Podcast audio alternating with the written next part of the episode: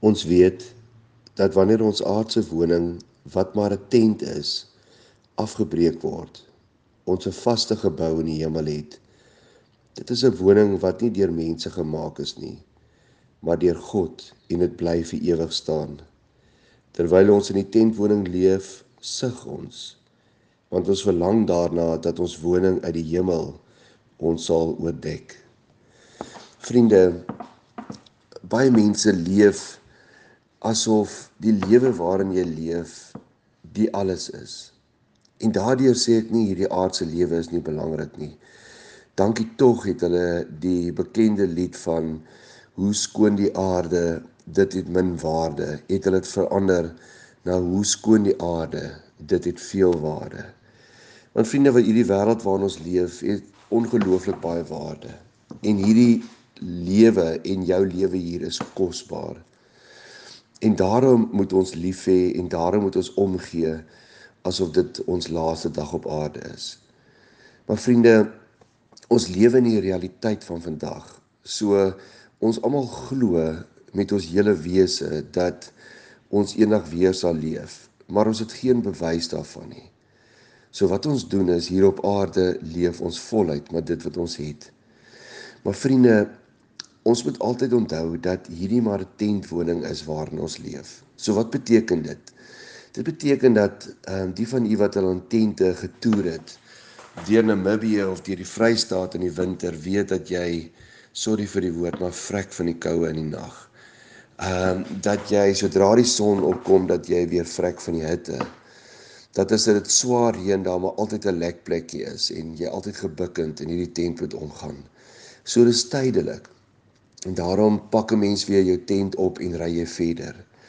In hierdie wêreld waarin ons leef, is ook tydelik. Ehm um, met ander woorde, ons moet en hierdie is my belangrik, ons moet soms lief hê as ons asof ons nie liefhet nie. En ons moet vashou asof ons nie vashou nie. En ons moet besit asof ons nie besit nie. Wat beteken dit? Beteken dit nie dat ons moet voluit leef nie? Nee vriende, natuurlik moet ons voluit leef. Maar ons moenie so verskriklik verras wees as daar slegte dinge op die aarde gebeur nie. Want hierdie is maar net 'n tent. So in jou manier van lief hê, in jou manier van besit, in jou manier van elke dag met die lewe omgaan, moet daar 'n verganklikheidsklausule vir jou ingewerk wees. Moet jy sê Dit kan wees dat een van my geliefdes kan sterf. Dit kan wees dat ek van my besittings kan verloor. Dit kan wees dat ek 'n siekte kan opdoen. Dit kan wees dat daar dinge om my sleg gebeur. Maar dit beteken nie dat ek en jy nie gaan voluit leef nie. Dit beteken nie dat ek en jy vir mense om ons gaan lief hê en vashou en besit en gee en um elke dag die lewe in sy volheid sal leef nie.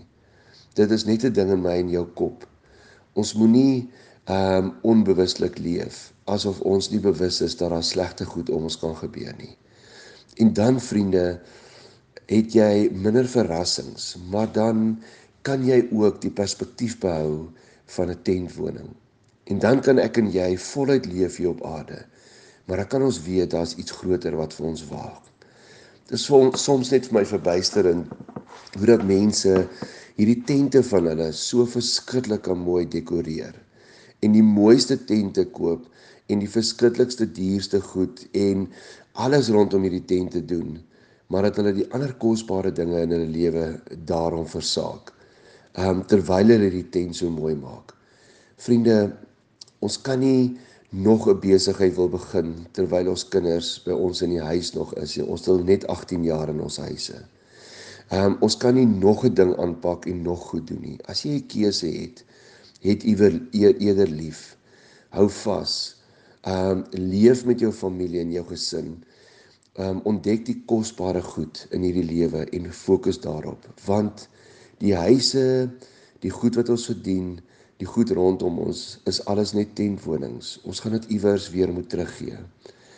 En uh, dan wil ek vir u sê, ek sal nooit vergeet ehm um, daar twee vrouens by Rockefeller, die multimiljonêr van uh, Amerika se graf gestaan. En die dag toe hy dood is, toe stap hulle so weg en toe sê die een vrou vir die ander vrou: "Het jy gehoor hoeveel het Rockefeller agtergelaat?" Toe sê die ander vrou vir die ander een: "Nee, sover ek hoor, het hy alles agtergelaat."